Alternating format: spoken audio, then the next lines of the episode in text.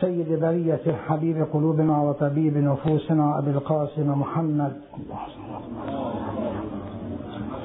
وعلى آله الطيبين الطاهرين المعصومين المنتجبين الغر الميامين واللعن الدائم على أعدائهم وظالميهم وقاتليهم ومنكر فضائلهم ومناقبهم وجاحد حقوقهم قاطبة من الجن والإنس إلى يوم الدين. آمين رب العالمين.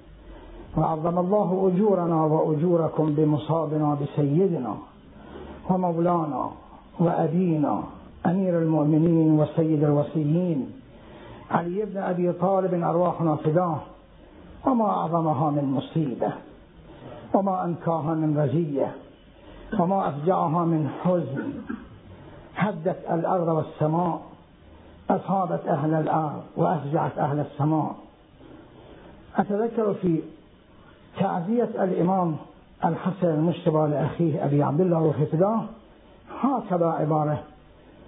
عظم الله لك الأجر بالمصيبة العظمى. مع ما أنه أصيب برسول الله. أصيب بأمه الزهراء مع ذلك يعبر عن مصيبة أبيه المصيبة العظمى. وكذلك تعلمون كلكم نداء جبرائيل تلك المصيبة التي مدة من الزمان.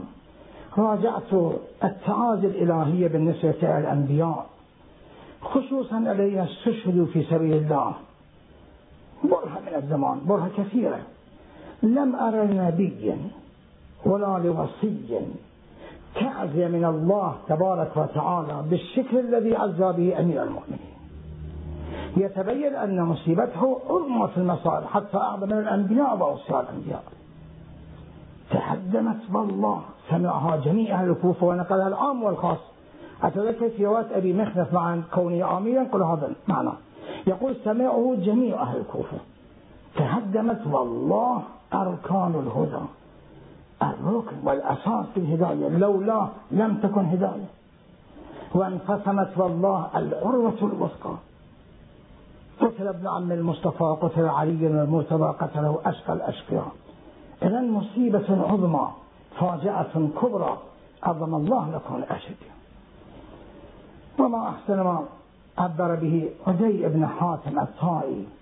يشرفني أن أعبر عن تسليتي بهذه الكلمات التي في هذه الليالي التي شهادة الإمام سيدنا مولانا تكون فيها. يقول كان والله بعيد المدى. كلمات عدي أمام معاوية عليه اللعنة الذي وقفت عيناه بالدموع بعد هذه الكلمات. كان والله بعيد المدى شديد القوى. يقول عدلا ويحكم فصلا. تنفجر الحكمة من جوانبه والعلم من نواحيه. يستوحش من الدنيا وزهرتها ويستأنس بالليل ووحشته. فأقسم لقد رأيته, رأيته ليلة وقد مثل في محرابه. وأرحى الليل سدوله. وغارت نجومه ودموعه تتحادر على لحيته وهو يتململ تململ السليم ويبكي بكاء الحزين. فكأني الآن أسمعه وهو يقول يا دنيا إلي تعرفتي أم إلي أقبلتي غري غيري. لا حان حينك قد طلقتك ثلاثا لا رجعة لي فيه. فعيشك حقير وخطرك يسير. آه من قلة الزاد وبعد السفر لذلك حق أن نتمثل بما تمثل به خطيب الشحشح الخطيب البليغ سعسعة بن سوحان العبدي رضوان الله عليه. حينما دفن أمير المؤمنين أرواحنا فداه وقف على قبره.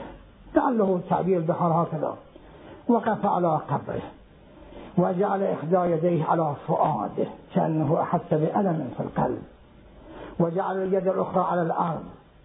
وجعل يخطو التراب على رأسه. ثم يقول هنيئا لك يا أمير المؤمنين هنيئا لك يا أبا الحسن. بابي أنت وأمي يا أمير المؤمنين لقد طاب مولدك وقوي صبرك وعظم جهادك وربحت تجارتك ولحقت بدرجة أخيك المصطفى وشربت بكأسه الأوفى. فثبتنا الله على ولايتك والبراءة من أعداء فسلام الله على مولانا. يوم ولد ويوم استشهد ويوم يبعث حيا. وتعازنا على سيدنا مولانا ولده الإمام المهدي أرواحنا فداه ببركة الصلوات على محمد وآل محمد.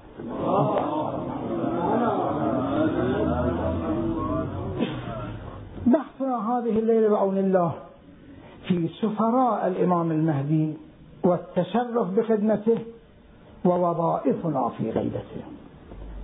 مسألة السفراء في الغيبة الصغرى التي دامت ما يقارب سبعين سنة هذه المسألة مما يلزم هي ثابتة حقيقة لكن يلزم التعرض لها للتأكيد في ثبوتها وإثباتها. أمام بعض التساؤلات أو الشبهات في مقابل البديهة التي ألقاها بعض العامة سنبين بعض كلماتهم. إذا لابد من هذا البحث. يفيدنا في التثبيت وفي دفع الشبهات العامية. سفراء الإمام المهدي ابتداء السفارة السفارة بفتح السين إذا كانت بمعنى الرسول وبكسر السين بمعنى المصلح وكلاهما في السفير موجود. السفير هو الرسول هو الواسطة والمصلح. وفي زيادة أمير من رافدة السلام عليك يا سفير الله إلى خلقه. هذه المعنى المقدس للسفارة. الواسطة الوسيلة من الله إلى خلقه والمصلح من قبل الله تعالى إلى خلقه. السلام عليك سفير الله إلى خلقه. هذه المعنى المقدسة أطلقت على السفراء الأربعة الذين نابوا عن سيدنا الإمام المهدي أرواحنا فداه في مدة الغيبة الصغرى. المشايخ الأربعة يعني عثمان بن سعيد العمري الزجاج وولده محمد بن عثمان والحسين بن روح النوبختي وعلي بن محمد السمن هؤلاء المشايخ الأربعة الطيبون العدول الثقات أصحاب جلالة القدر بشهادة أكابر وأعظم علماءنا ممن نظروا وحضروا وشهدوا. هؤلاء سفراء الإمام المهدي أرواحنا فداه سفارتهم ثابتة نيابتهم بابيتهم وكالتهم على الإمام المهدي أرواحنا فداه ثابتة بالأدلة بالأدلة التي سنذكرها إن شاء الله. لكن هناك شبهة من بعض الكتب العامية مضمونها. أطال كلامه في الشبهة وخلاصتها. أن الشيعة تزعم سفارة بعض المشايخ عن عن مهديهم وفرضنا وجود المهدي إلا أن سفارة هؤلاء ليس لهم دليل عليها لماذا؟ لماذا يحتاج هذا الشخص؟ وذلك لأن الحسين بن روح وهو أحد هؤلاء السفراء بعث كتابه كتاب التأديب إلى قم ليصححوه. فإن كان سفيرا على المهدي فلما لم يعرضه على المهدي ليصححه بعثه إلى علماء قم ليصححوه هذا مضمون الكلام التي أطال الكلام فيها. احتجب هذا. وهي حجة وليست بحجة. لماذا؟ أولا أن الذي يشير إليه هذا الشخص بالنسبة إلى إرسال كتاب التأديب إلى قوم. هو ما ذكره شيخ الطائفة الله مقامه في كتاب الغيبة صفحة 240 عبارة نقل بعث الشيخ حسين بن روح كتاب التأديب إلى قم هكذا. بعث الشيخ الحسين بن روح كتاب التأديب إلى قوم وكتب إليهم وكتب إليهم لاحظوه. انظروا فيه. انظروا فيه. هل فيه شيء يخالفكم؟ انظروا فيه. هل فيه شيء يخالفكم؟ ليس في هذا المعنى. هذا جميع العبارة. كل هذه العبارة التي بينها الشيخ الله مقامه ليس فيها أنه أرسله للتصحيح. خصوصا مع هذا التعبير. هل فيه شيء يخالفكم؟ مو تخالفونه. ما يريد التصحيح. لاحظوا وصححوا. هل لكم رأي في مقابل هذا؟ ليس المقصود تصحيح الكتاب ولم يقل الحسين رحمه الله هل فيه شيء تخالفونه. هل في شيء يخالفكم؟ تثبيت لهذا الكتاب. ولعله مثل الحسين لا يصنع إلا ما أمره المهدي وحفظه ولعله بأمر المهدي تثبيتا لهذا الكتاب في أهل القوم ثم لمن أرسله؟ أرسله إلى محمد بن عبد الله الحنجري شيخ القمين الله مقامه. ومحمد بن عبد الله هو صاحب التوقيعات والمسائل من حسين بن روح. هو يسأل الحسين بن روح الحسين يسأل هذا الكتاب؟ هذا غير معقول. مسائل محمد بن عبد الله الحنجري مذكورة في الكتب كتب الأخبار والكتب الفقهية التي يستدل بها. عن طريق الحسين بن روح يسأل الحسين جعلني الله فداك وقاك الله من كل سوء. ما لك في هذه المسألة؟ يسأله يسأله ثم يسأل الحسين الإمام الحجة فيجيبه. هو يسأل الحسين فكيف الحسين صار عنده؟ شيء غير معقول. والعبارة لا توجد هذا المعنى. هل في شيء يخالفكم؟ ولم يذكر تفسير في المقام. جعل هذه حجة أنه إذا كان نائب الإمام سفير الإمام الحجة لم لا يستطيع كذا عند الإمام الحجة. ليس تفسير ليس بشرط تفسير هذا الشيء. بلى ثبت ثبتت سفارة هؤلاء بالأدلة التي سيذكرها عندنا بل هي محل الاطمئنان والقطع واليقين عند الشيعة أنهم سفراء لما النبي بلا شك ولا ريب. من وجوه شتى بأدلة كثيرة ليس بين الشيعة أي خلاف. لم بالرغم من التحري الكامل في هذا الجانب. لم أرى خدشة شهد الله. في سفارة هؤلاء من أحد من علماء الشيعة. بل كما في كتاب الإمام المهدوية أجمعت أجمعت الشيعة على أمانتهم وعدالتهم وسفارتهم ومقامهم وعلو درجتهم محل إجماع الشيعة مجمع عليه كيف ليس دليل؟ أولا الإجماع إجماع ليس خلاف بين هذا الآن ثم أنه الأدلة موجودة بالنسبة إلى سفارة هؤلاء وبابيتهم على الإمام في نفس الرسائل الكتب التوقيعات الروايات التي وردت في جلالة قدرهم وسنذكرها إن شاء الله. لكن قبل ذلك أبين شيء يدلنا على سفارة ووكالة هؤلاء. أولا الإجماع المتقدم وليس بين الشيعة أي خلاف ثانيا كلام صاحب الاحتجاج. في الاحتجاج الطبرسي المجلد الثاني صفحة 296 يقول رحمه الله ولم يقم ولم يقم أحد منهم بذلك يعني بالوكالة والسفارة إلا بنص عليه من قبل صاحب الأمر حفظه أنت سلمت أنه الإمام المهدي موجود لكن صفات لم تثبت موجودة ونص على هؤلاء.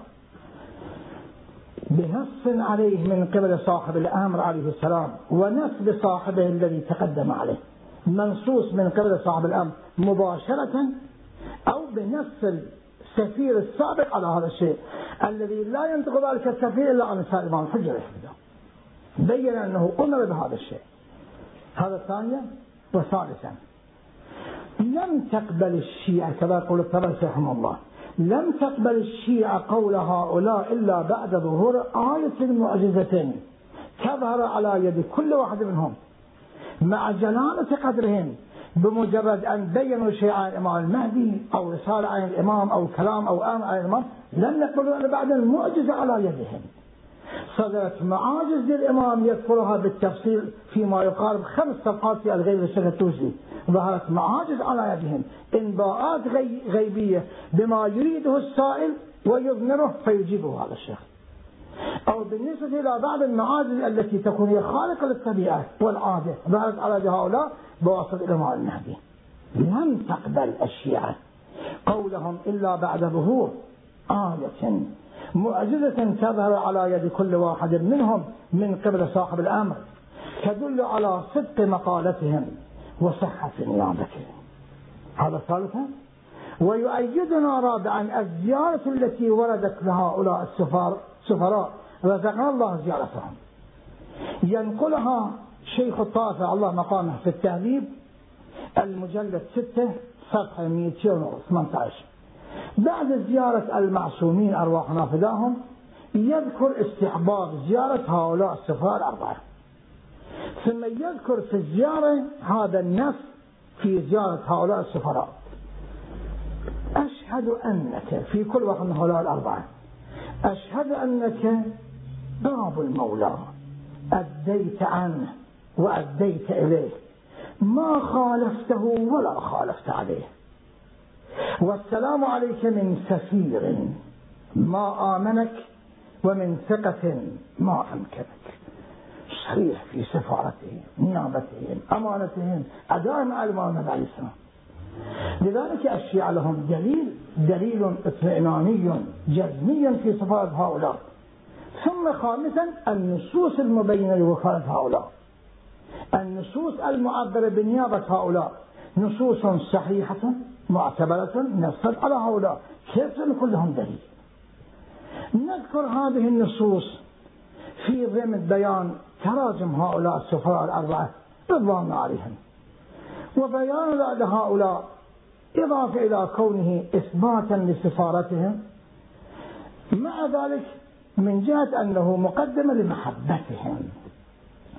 رأيت رضاي عن الإمام الرضا الحفدان في عيون الأخبار ينقلها الشيخ الصديق الله مقامه في المجلد الثاني من طلعة النجف الأشرف صفحة 125 رسالة شرائع الإسلام. يذكر فيه الإمام رضا عليه السلام الأمور التي هي من صميم شريعة الإسلام. من الصلاة والصوم والزكاة والأمر بالمعروف والنهي ومودة أهل البيت إلى أن يصل إلى المحبة.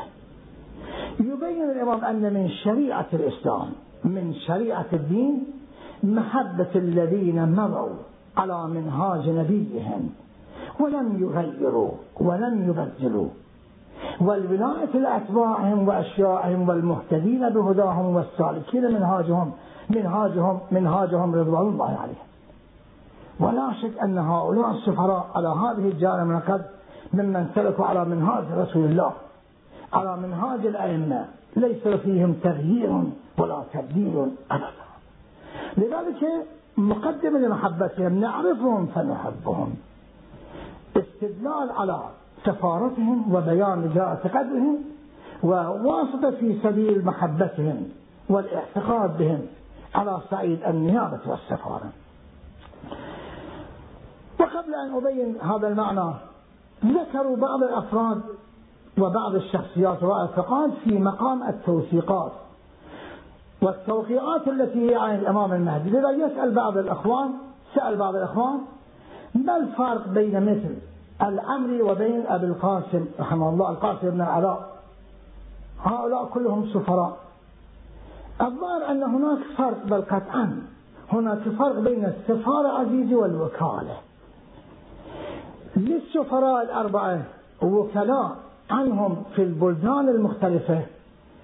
كأنه هؤلاء وسائط في إرسال في جلب رسائل الناس إلى السفراء في بغداد وفي بعث رسالتهم وأجوبتهم إلى تلك المدن. هناك وكلاء عن السفراء. يعني السفراء والإمام المهدي منحصرون الخاصين منحصرين بالأربعة. والبقية الذين هم في التوقيعات نراهم يحملون التوقيع أو يبينون شيئا هؤلاء وكلاء عن هؤلاء السفراء.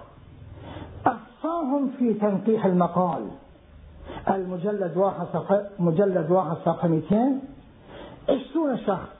هؤلاء وكلاء عن هؤلاء السفراء. لذلك لا يختلط أنه ما الفرق بين السفير وبين هؤلاء. السفراء الخاصون النواب الأربعة. من جهة خصوصيتهم هم يباشرون الرسالات والأجوبة والمسائل مع الإمام المهدي وحفظه يرونه ويسألونه ويبلغون عنه. بينما الوكلاء يراسلون عن طريق هؤلاء السفراء. هذه من جهة. ومن جهة أخرى الحفاظ على الشيعة على دين الشيعة بالنسبة إلى السفراء الأربعة في جميع البلدان. لكن بالنسبة للوكلاء كلهم كل واحد منهم كان مسؤول عن محله وحيطته. لذلك هناك فرق بين السفير وبين الوكيل من جهة شأنه ومن جهة عمله. السفراء الأربعة لا يختلطون الوكلاء العشرون حتى لا يختلطون بالسفراء. أحصاهم في التنقيح أحمد بن إسحاق الأشعري من قم أبو هاشم الجعفري. محمد بن جعفر الأسدي من ري. حاجز بن يزيد الملقب بالوشاء من بغداد أبو إسحاق إبراهيم بن مهجار الأهوازي ومحمد بن إبراهيم من أهواز القاسم بن العلاء من أهل أذربيجان ولده الحسن بن القاسم ومحمد بن شادان النعيم من أهل نيسابور أحمد بن حمزة بن اليسع ومحمد بن صالح من همدان العاصمي من الكوفة إبراهيم بن محمد الهمداني العطار من بغداد الشامي من ري أبو محمد الوجناتي وعمر الأهوازي وأبو عبد الله الحسين البزوفري في قم أيوب بن نوح بن دراج أبو جعفر محمد بن أحمد في بغداد. هؤلاء وكلاء عن سفراء الإمام المهدي يتصلون بالإمام عن طريق هؤلاء السفراء ويكونون في حيطة المحافظة كل في منطقته وفي حيطته. وأما السفراء فهم أربعة لا يزيدون على ذلك. بالنسبة للسفراء الأربعة الأول أبو عمرو عثمان بن سعيد العمري السمان الزيات الأسدي. بدأ حياته السعيدة من زمن الإمام الهادي عليه السلام. صاحب الإمام الهادي ثم الحسن العسكري ثم الإمام المهدي أرواح نافذة توكل عنه ناب عنه كان سفيرا من قبله. جلالة قدر هذا الشيخ وكذلك رسالته وكالته سفارته تثبت من روايات عديدة لكن بعنوان التبرك رواية أو روايتين من كل واحد نقرأ ليتبين وجود الدليل على سفارة هؤلاء. بالنسبة إلى عثمان بن سعيد لنا حديث عبد الله بن جعفر الحميري الموجود في أصول الكافية المجلد واحد صفحة 329 الحديث واحد. قال أخبرني أبو علي أحمد بن إسحاق عن أبي الحسن أن الإمام الهادي الحفظة وقال سألته وقلت له من أعامل؟ يسأل. أبو علي أحمد بن إسحاق من الإمام الهادي من أعامل؟ وعن من آخذ؟ وقول من أقبل؟ فقال هو العمري ثقتي. فما أدى إليك عني فعني يقول. وما قالك عني فعني يقول. فاسمع له وأطع فإنه الثقة المأمون. وقال الإمام العسكري بعد ذلك هذا أبو عامر الثقة الأمين ثقة الماضي وثقتي في المحيا والممات. في زمان حياتي وبعد موتي عند وجود الإمام وكذلك في حديث جعفر بن محمد بن مالك الفزاري المنقول في رجال الكشف صفحة 485 ينقل عن جماعة من الشيعة منهم الأجلاء علي بن هلال علي بن بلال وأحمد بن هلال ومحمد بن معاوية بن حسين والحسن بن أيوب بن نوح في خبر طويل قالوا جميعا. اجتمعنا إلى أبي محمد الحسن بن علي العسكري نسأله عن الحجة من بعده. فقال جئتموني تسألوني عن الحجة من بعدي. قلنا نعم بعدي أنت ومنا فإذا غلام كأنه قطعة قمر أشبه الناس بأبي محمد عليه السلام فقال هذا إمامكم من بعدي؟ وخليفتي عليكم أطيعوه. ولا تتفرقوا من بعدي فتهلكوا في أديانكم. فاقبلوا من عثمان ما يقوله. جاء عثمان بن سعيد؟ فاقبلوا من عثمان ما يقوله. بعد يومكم هذا وانتهوا إلى أمره. في زمان الغيبة اقبلوا من عثمان. وانتهوا إلى أمره واقبلوا قوله فهو خليفة إمامكم والأمر به. خليفة إمامكم والأمر به. نص على خلافته وسفارته. إذا سفارة عثمان بن سعيد من المنصوصة من قبل الإمام الهادي والعسكري والمهدي أرواح نافذة توفي رضوان الله عليه بن سعيد ودفن في الجانب الغربي ببغداد في شارع الميدان وله مقام معروف يزار فيه الله زيارته النائب الثاني أبو جعفر محمد بن عثمان العمري الأسدي الزياف وهو الورع التقي الذي لم يختلف في تقواه اثنان من علماء الشيعة. خدم الإمام العسكري والإمام المهدي خمسين سنة سفرا وحضرا. من بعض الرواة ثبت أنه كان بخدمة الإمام في سفره وحضره في مكة وفي غير مكة. خدم خمسين سنة.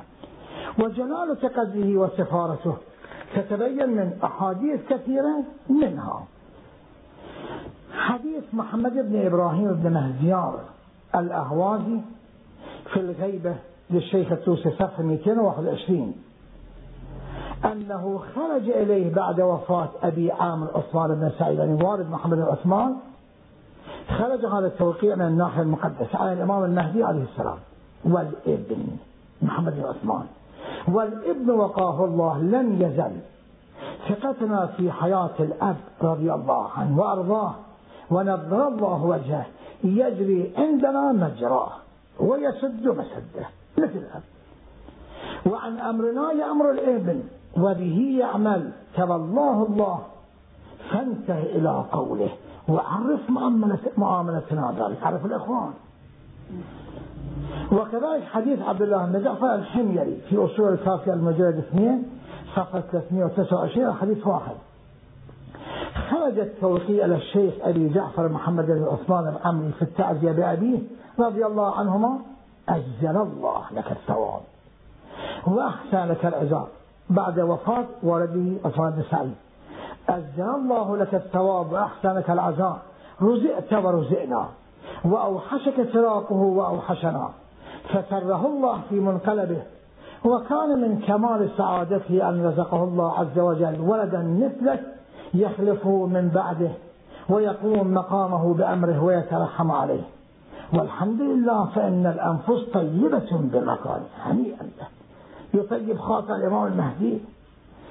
فإن الأنفس طيبة بمكانك وما جعله الله عز وجل فيك وعندك أعانك الله وقواك وعبدك ووفقك. وكان الله لك وليا وحافظا وراعيا وكافيا ومعينا.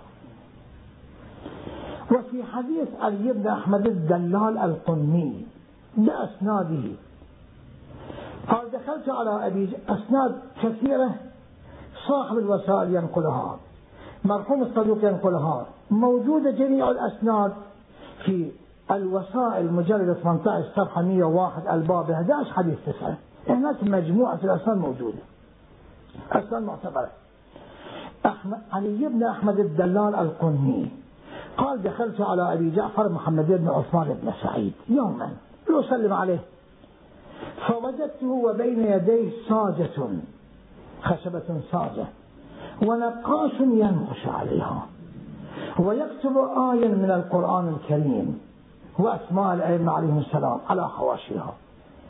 فقلت له يا سيدي ما هذه الساجة فقال هذه لقبري تكون في القبر وضعوا عليها وقد عرفت من الدلال يقول عن محمد عثمان وقد عرفت من أنه قال وأنا في كل يوم أنزل فيه في القبر فأقرأ جزءا من القرآن فأسعد فأخذ بيدي وأراني راواني القبر. فإذا كان يوم كذا من شهر كذا من سنة كذا صرت إلى الله عز وجل ودفنت فيه. وهذه السادة معي. فلما خرجت من عند أثبتت ما ذكر التاريخ دقيق. مترقبا فما تأخر الآن حتى اعتل أبو جعفر. فمات في اليوم الذي ذكره. من الشهر الذي قاله في السنة التي ذكره ودفن في ذلك القبر مع تلك الساجد جلالة قدره مدح الإمام له يكفيه. دفن رحمة الله عليه في بغداد في قرب باب سلمان وقبره معروف هناك يعرف بالشيخ الخلاني رزق الله زيارته.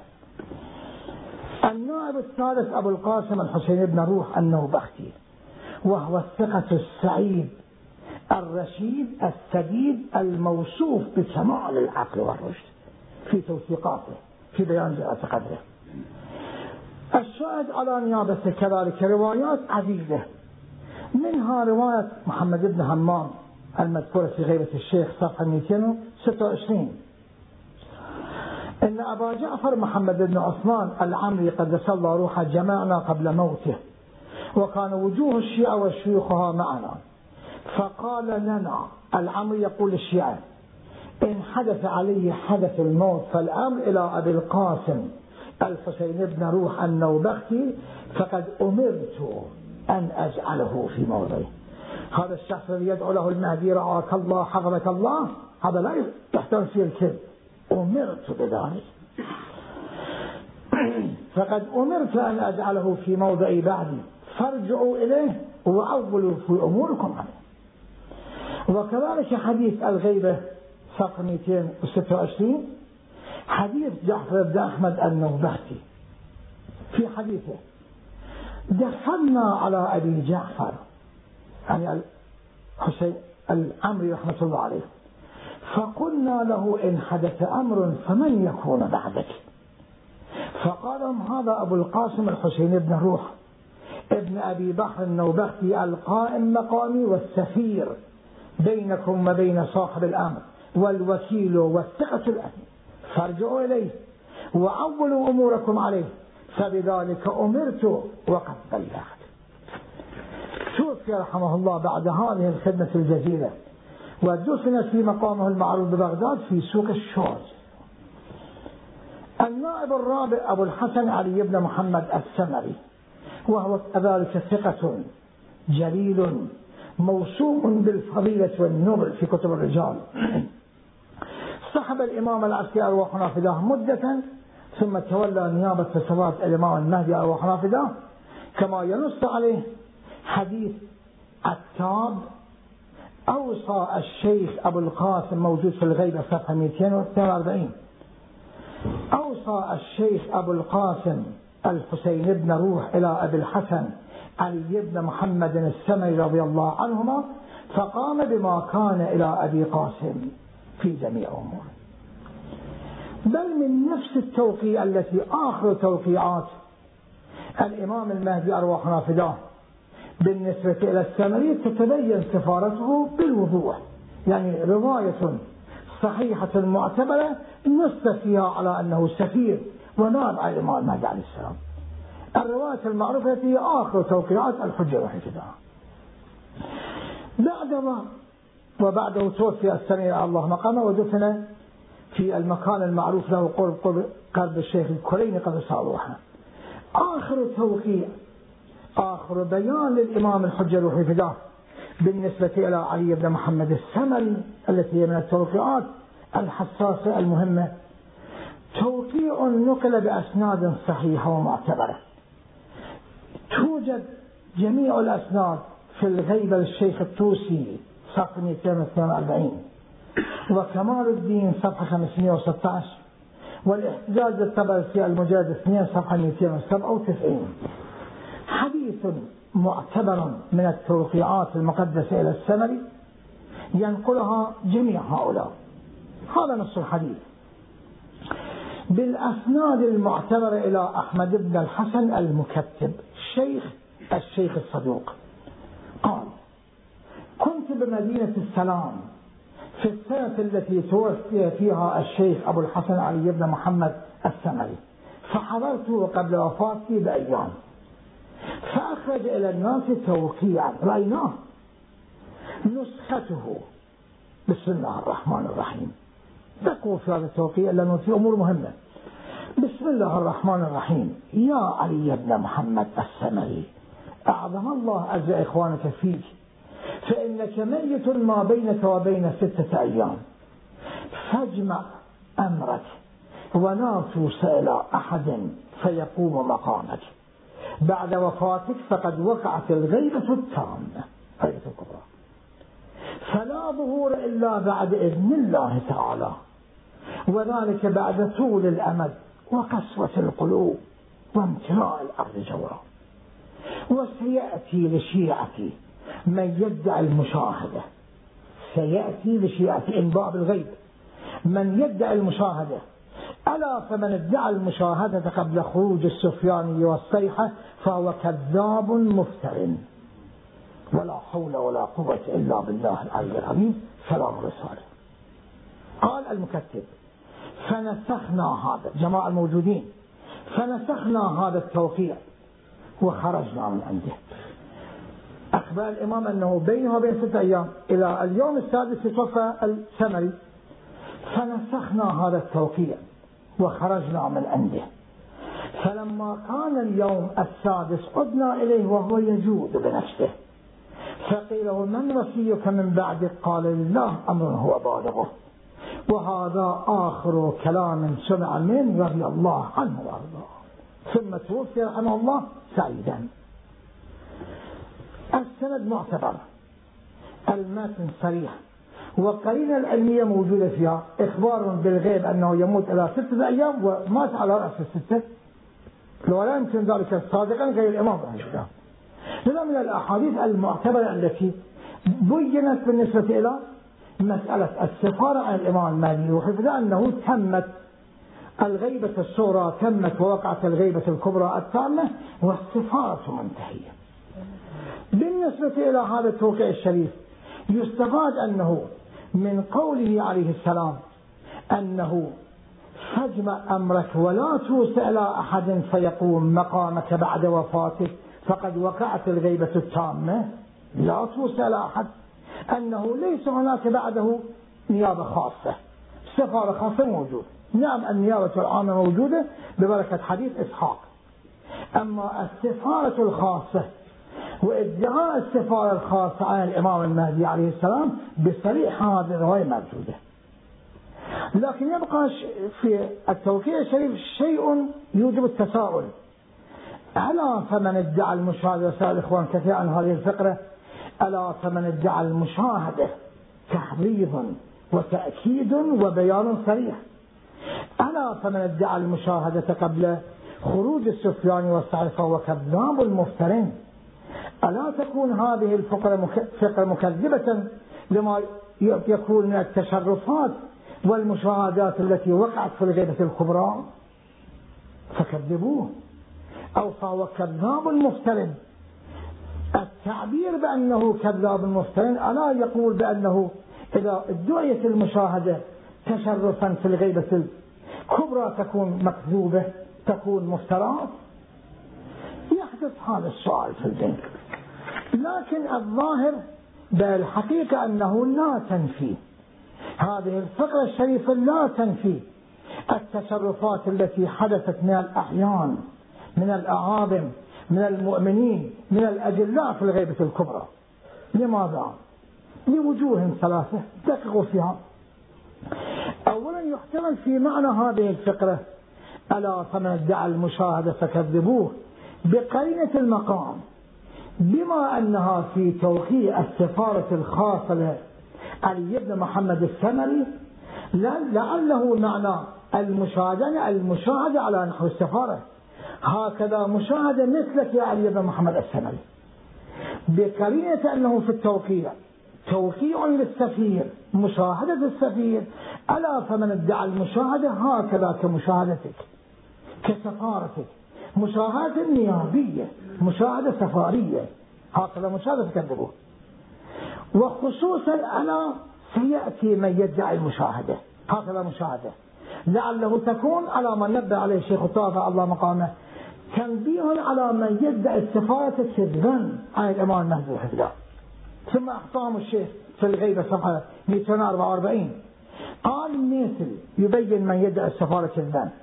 مثل حسن الشريعي ومحمد بن نصير النميري وأحمد بن هلال الكرخي ومحمد بن علي بن بلال والحسين بن منصور الحلاج ومحمد بن علي الشلمغاني المعروف بن أبي العذافة وأبي جلف محمد بن المظفر الكاتب الأزدي ومحمد بن أحمد البغدادي ممن شملهم حديث اللعن. كلام الشيخ التوسي ألا من ادعى المشاهدة الشيخ يريد أنه هكذا مشاهدة. وهكذا بيان. ادعاء افترائي ممن يدعي المشاهدة السفارية والنيابية هذا معنى. والمعنى الثاني المحتمل والعلم عند الله أن تكون معنى المشاهدة بلحاظ القرية السياقية اللفظية.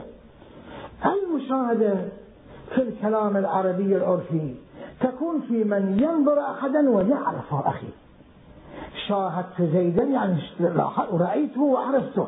إذا لم يعرف لم يقل شاهدته. المشاهدة بالنسبة إلى من ينظر ويعرف. ألا فمن ادعى المشاهدة فهو كذاب مفتر يعني من يقول أنه شاهدت الإمام المهدي وعرفته هكذا يكون في هذا المثابة. ونوعا غالبا أغلب التصرفات التي حصلت لم يعرف فيها الإمام المهدي إلا بعد الانصراف. بعد الانصراف عن خدمته تنبه أنه الإمام أغلب المشاهدات إلا للأحاديث من أعظمها الحديث الشريف بالنسبة إلى المشاهدة بمعناها العرفي اللفظي يعني المشاهدة مع المعرفة. المشاهدة مع معرفة الإمام. هذه معرفة الإمام. هذه تكذب. لا كل مشاهدة. فلا تشمل المشاهدات التي كانت في عهد الغيبة الكبرى بالنسبة للمؤمنين الذين لم يعرفوا الإمام ثم عرفوه. هذا معنى ثاني المعنى الثالث ولعله معنى مناسب أيضا أن نلاحظ نفس التعبير على فمن ادعى المشاهدة؟ من يسق في حقه الدعوة العياذ بالله. بالنسبة إلى الدعوة المذكور في كتب القضاء أن المدعي من إذا ترك ترك وأن قوله يحتاج إلى دليل. أنه قوله, قوله يحتاج إلى إثبات. ادعاء المشاهدة إنما يكون بالنسبة إلى الشخص الذي لم تسب له المرحلة المعلومة من أجزاء القبر كالمقدس الأردبيلي أو السيد العلوم أو العلامة الحلي الذين لم يحتمل في حقهم الخلاف الكذب والعياذ بالله أبدا.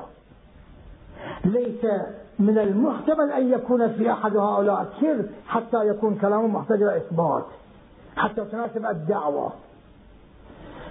إذا أخبرتم جنابكم عن شيء وكان ثابتا لا يقال إدعى شيء أخبر عن شيء. أما ذلك الذي يحتاج إلى دليل قالوا إدعى هذا الشيء. إدعى ما لا أحد يحتاج إلى بينة إلى إثبات. لذلك تكون الدعوات في النزاع في المنازعات. ألا فمن ادعى؟ الإمام رحمه بناء على هذا الاحتمال والله العالم لا يقول جميع المشاهدات مدعي المشاهدة. من ادعى المشاهدة يكون مدعيا للمشاهدة مفتن كذاب وأما أمثال المشاهدات التي يبينها علماءنا الأبرار ليست فيها احتمال كذب وليست يصدق عليها الدعوة في هذا المقام. هذا من جهة. ومن جهة أخرى بعض الأمور التي بينت في المشاهدات والتصرفات في زمن الغيبة الكبرى لم تكن دعوا قطعا لأنه كانت مرفقة بالدليل بالبرهان بالقرينة العلمية القطعية لم تكن دعوة. فتخرج عن هذه الدعوة تخصصا تكون خارجة. ألا فمن ادعى المشاهدة إذا كانت دعوة؟ أما إذا كانت تصرفات مع الدليل مع البينة القطعية لا تشمل. هذه التوقيعات مثل هذا المشاهدة والتشرف مثلا على سبيل المثال قضية إسماعيل الهرقي لعل أغلبكم تعرفونها. لا نحتاج إلى تطويل قضية إسماعيل الهرقلي رضوان الله عليه وتشرفه إلى الإمام المهدي بسامراء مع تلك القرحة الخبيثة التي كانت في رجله اليمنى. ولم يمكن الأطباء معالجتها أو صور بقطع الرجل انتقل إلى سامراء. توسل بالإمام المهدي عند شط دجلة هناك بعد إذن توجه إلى إليه الإمام المهدي وجعل يده على موضع الجرح. خلاص. يقول إسماعيل بعد ذلك. وهذه النقطة أبينها أولا. الجرح الذي كان في رجله إسماعيل هقي شاهده السيد رضي الدين بن طاووس وجميع الشيعة في محلة بغداد الشيعة كلهم شاهدوها. بل وبعض العامة كذلك شاهدوها. ثم وقعت هذه المعجزة. لمسها الإمام المهدي بيده فلم تكن بعد لمسه أبدا من أي آثار الجرح حتى أن نفسه شك في ذلك. كانت القرحة في الرجل اليمنى لاحظ لعله كان في اليسار لاحظها لا في اليمنى ولا في اليسار. حتى أنه نبت الشعر في مكان القرحة بأسا. ثم أبان هذه الفضيلة إلى بغداد رجع إلى بغداد. رجع إلى السيد رضي الدين الطاووس وأراه هذه القرحة رآه الشيعة الآن حتى المستنصر العباسي مذكور في أحوال أنه رأى هذه القرحة وأراد أن يكرمه لم يقل له التكريم. إذا مسألة مشاهدة إسماعيل الهرقي لا يقال أنها دعوة. دعوة مع الدليل. إخبار مع البينة. خبر مع البرهان. كيف تكون دعوة؟ تكون خارج تخصصا هذا ثانيا وثالثا نوعا الذي لاحظناه شاهدناه لمسناه نوعا أبرارنا الذين يتشرفون بخدمة الإمام المهدي لا يدعون ذلك أخي العزيز. لا يقولون بذلك. يحفظون هذا الأمر. يحفظون يتحفظون على هذه الفضيلة. لا يراءون في هذا الشيء. والذي تبين ما تبين من علمائنا تبين قهرا تبين بدون إعلام منهم. قضية حدثت فبانت فضيلة انكشفت. المير علام تلميذ المقدس الأردبيلي اقتفى أثره من النجف إلى الكوفة ومن الكوفة إلى النجف. ثم باستعاره تبين للمقدس الأردبيلي أنه وراءه. انجبر على إعدامه. قال لا أترك حتى تبين لي أنه لماذا جئت الكوفة وماذا سمعت. مجبور على البيان. أو قضية محمد عيسى البحراني لأجل إثبات حقانية الأمير عليه السلام. نوعا التصرفات إما لم تبين وإذا بينت كانت لأجل أنها مبينة قهرا أو دليلا برهانا لأجل مصلحة. لذلك التصرفات من أوليائنا من الثقات مع هذا الخير وبين بخدمتكم التصرفات التي منقولة من الثقات من الأولياء. من الأبرار من الصادقين لا تنافي هذه الفقه الشريفة. ألا ادعى المشاهدة لا تنفيها. للوجوه الثلاثة تبيناها فالتشرف إذا لا يمتنع بواسطة هذه الفقه الشريفة. بل أن التشرف لعله يؤيدنا من جهة أنه التشرف الموجود من علمائنا. لا ينافيه هذا الكلام وهذا التوقيع. دعاء التشرف. دعاء الوصول بالخدمة. اللهم في ذات الإمام المهدي. اللهم أرني وجه وليك الميمون في حياتي وبعد المنون إذا لم يمكن التصرف كيف يسأل؟ هل يؤمر الدعاء بالمحال؟ لا يكون في الشرع. أرني وجه وليك الميمون معناته يمكن التصرف والنظر. اللهم آن الطلعة الرشيدة والغرة الحميدة واكحل ناظري بنظرة مني إليه. إذا يمكن. لا منع في التصرف لكن مع دليل. تصرف مع برهان تصرف مع بسراق بل هناك بعض الأدلة من ضمن الأدلة توقيع. الشيخ المفيد أعلى الله مقامه يعني الرسالة الثانية للشيخ المفيد قدس الله روحه. تبين إمكان التصرف وطريق التصرف ليس أنا أخي إخواني الأعزاء؟ طريق إلا من طريقهم إلا ببيانهم إلا بحجتهم. كيف نتصرف بخدمتهم؟ كيف نصل بتقبيل رجل الإمام المهدي روحي فداه نسأل نفس الإمام لا من أنفسنا هناك بيان مليح صريح في التوقيع الثاني للشيخ المفيد الله مقامه من الإمام الحجر الفداء يبين بأي وسيلة تنصرفون بخدمة الإمام. وعليكم بهذا التوقيع لأهميته في هذا المقام. التوقيع الثاني مذكور في الاحتجاج المجلد 2 صفحة 325 دققوا في العبارة أرجوكم إخواني الأعزاء ولو أن ولو أن أشياعنا شيعة الأبرار ولو أن أشياعنا وفقهم الله لطاعته لكم الإمام المهدي وفقهم الله لطاعته على اجتماع من القلوب في الوفاء بالعهد عليهم. لما تأخر عنهم اليمن بلقائنا ولتعجلت لهم السعادة بمشاهدتنا. على حق المعرفة وصدقها منهم يشاهدوني ويعرفوني. مشاهدة صادقة. فما يحبسهم عنا فما يحبسهم فما يحبسنا عنهم إلا ما يتصل بنا. مما نكرهه ولا نغفره منهم مثلي وأمثالي قد نفعل شيئا لا مع المهدي يصل إليه يكرهه لا يحب علاقته فما يحبسنا عنهم إلا ما يتصل بنا مما نكرهه ولا نؤثره منهم. في هذا التوفيق إذا طريق التشرف مسموح بهذا. الوفاء اجتماع القلوب على الوفاء بعهد بالعهد. ومن جهة التي بينت معنى الوفاء في تفسير آية الشريفة ولا نقبل طالب. وعدم فعل ما يكره الإمام المهدي رحمه الله. وإذا كان الله التشرف. كنت أود أن أكمل هذا البحث في هذه الليلة الختامية من هذا المجلس الشريف. لكن الظاهر أنه عبدي تريد وأريد ولا يكون إلا ما أريد إرادة الله كان لم تتعلق بإكمال البحث هناك بحث شريف في وظائف وظائف الأمة في زمان غيبة الإمام الحسين ثم ظهور الإمام المهدي عليه السلام وقيامه ودولته الحق. الظاهر ما نصل لبحث هذه المعاني لكن مع ذلك أرجو أن الله يوفقنا إن شاء الله مع حفظكم إن شاء الله. وحفظ المدراء الكرام لهذه المؤسسة الاعتقادية الكريمة. إن شاء الله من الله علي بالتوفيق في بعض المحاضرات القادمة لو توفقتم أرجو أن أكمل بحث الإمام المهدي وحفظه وأتمكن من خدمة لكم إن شاء الله. ووصيتي لكم وإن كنت أصغركم في هذا المقام. إلا أنه رجاء أخ. رجاء أخ مؤمن لكبار إخوانه وهم أنتم. حفظكم الله. أن لا تنسوا الإمام المهدي من الدعاء. أكثروا نفس كلام المهدي رحمه وأكثروا في توقيع محمد العثمان العمري وأكثروا بالدعاء لتعجيل الفرج فإن في ذلك فرجكم. أكثر الدعاء.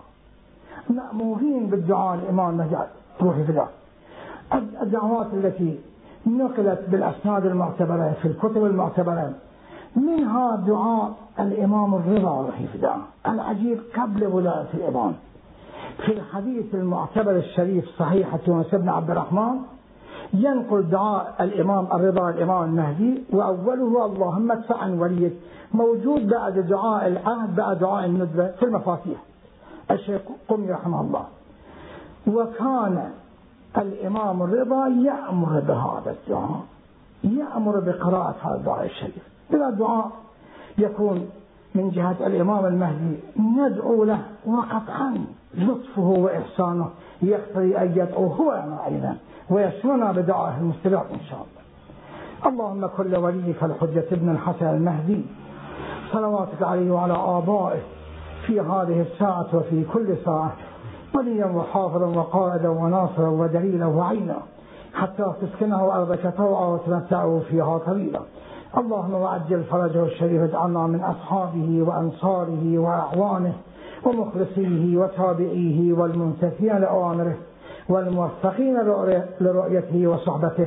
ببركة الصلوات على محمد وآل محمد.